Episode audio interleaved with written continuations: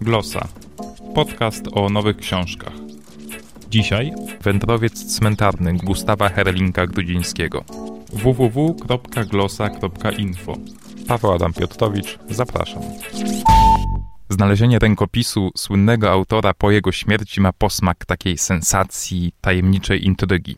I właśnie tak jest z opowiadaniem Wędrowiec cmentarny Gustawa Herlinka Grudzińskiego. Gustaw Herling-Grudziński zmarł w roku 2000, a opowiadanie zostało napisane prawdopodobnie na początku tegoż roku. Rękopis opowiadania znaleziono 4 lata temu. Grudziński pisał je na kartkach organizera na rok 2000. Teraz opowiadanie zostało lekko zredagowane i wydane w wydawnictwie literackim. Jaki jest jego temat? Wydarzenia w Srebrenicy. Nie wiem, czy kojarzycie masakrę w Srebrenicy. Jest ona uważana za największe ludobójstwo w Europie od czasów II wojny światowej.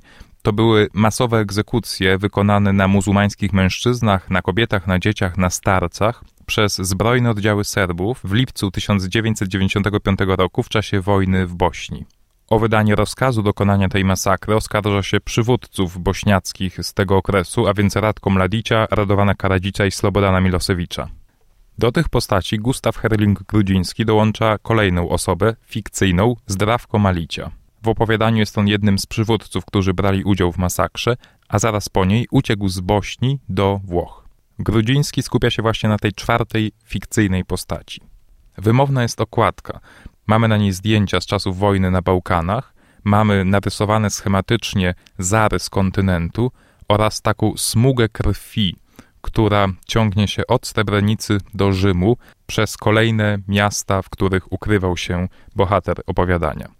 Słuchajcie, ponieważ mamy do czynienia z opowiadaniem, a więc kilkudziesięcioma zaledwie stronami, już sprawdzam iloma, 60, 68 stron, no więc nie warto, żebym wam e, przedstawiał treść, prawda? Natomiast no mogę powiedzieć tyle, że Herling Grudziński pisze po prostu dobrze, jego proza wciąga, e, zwłaszcza w że w tym przypadku bardzo długo nie wiemy, że mamy do czynienia nie z ofiarą wojny, ale z jednym ze sprawców tej wojny po książkę warto sięgnąć, chociaż mam pewne wątpliwości, dlatego że, tak jak wspomniałem, to jest jedno opowiadanie wydane samodzielnie, to kosztuje 25 zł 99 groszy, twarda okładka, no fajnie wydane, ale nie wiem, czy każdego stać na to, żeby kupić sobie 60 stron za 26 zł. No, zajrzyjcie do tej książki, zajrzyjcie do tego opowiadania, bo warto czy kupować, to ja już nie wiem.